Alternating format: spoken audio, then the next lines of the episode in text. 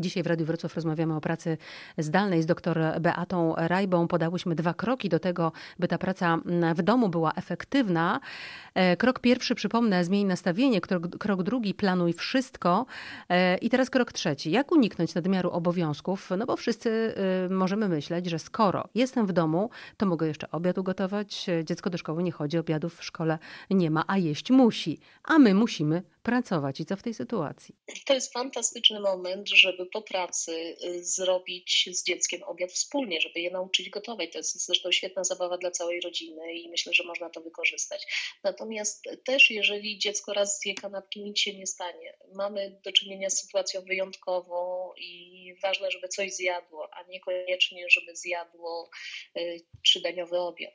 Jak często w czasie pracy zdalnej robić przerwy i co robić w tych przerwach? Może właśnie ten obiad? Y, myślę, że najlepiej ruch. Najlepiej ruch. Puścić muzykę, zrobić sobie dziki taniec, y, bitwę na poduszki, coś takiego, co nas oderwie i co sprawi, że na chwilę zagości w domu radość. Jak często, no, to zależy od dziecka, zależy od tego, jakie mamy warunki.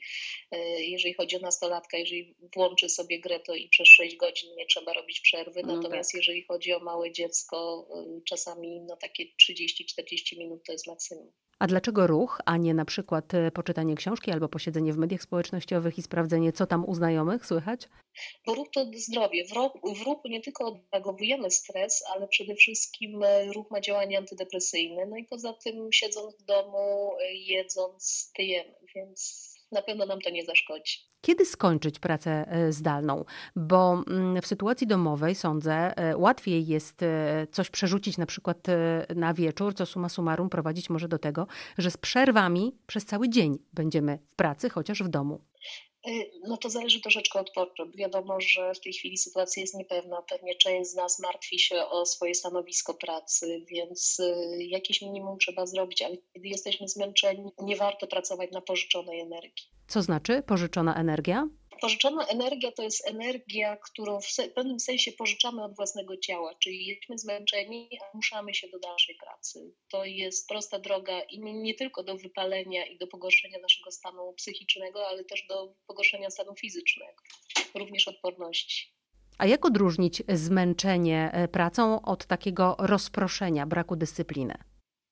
Rozproszenie i brak dyscypliny będzie się pojawiało w ciągu dnia i w momencie, kiedy zrobimy sobie przerwę, nie będzie ustępowało. E, wręcz mieli ochotę na więcej rozproszenia. Natomiast e, przerwa w przypadku zmęczenia powinna nam troszeczkę pomóc. I na koniec e, chciałam jeszcze zapytać o to, czy samodyscyplina, czyli coś, z czym teraz wszyscy no bardzo się zmagamy, to jest rzecz do nauczenia i do opanowania po mistrzowsku, czy też po prostu się z nią rodzimy albo i nie?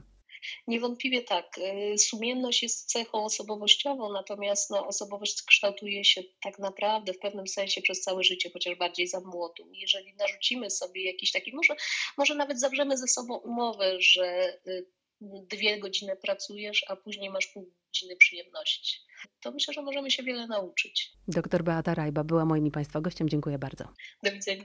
Katarzyna Górna-Drzewosz. Ja również e, Państwu e, dziękuję za dzisiejszy wieczór i życzę przede wszystkim dużo zdrowia. Proszę nie zapominać o maseczkach, rękawiczkach i dwóch metrach odległości od e, bliskich. Radio może być wyjątkowo bardzo blisko.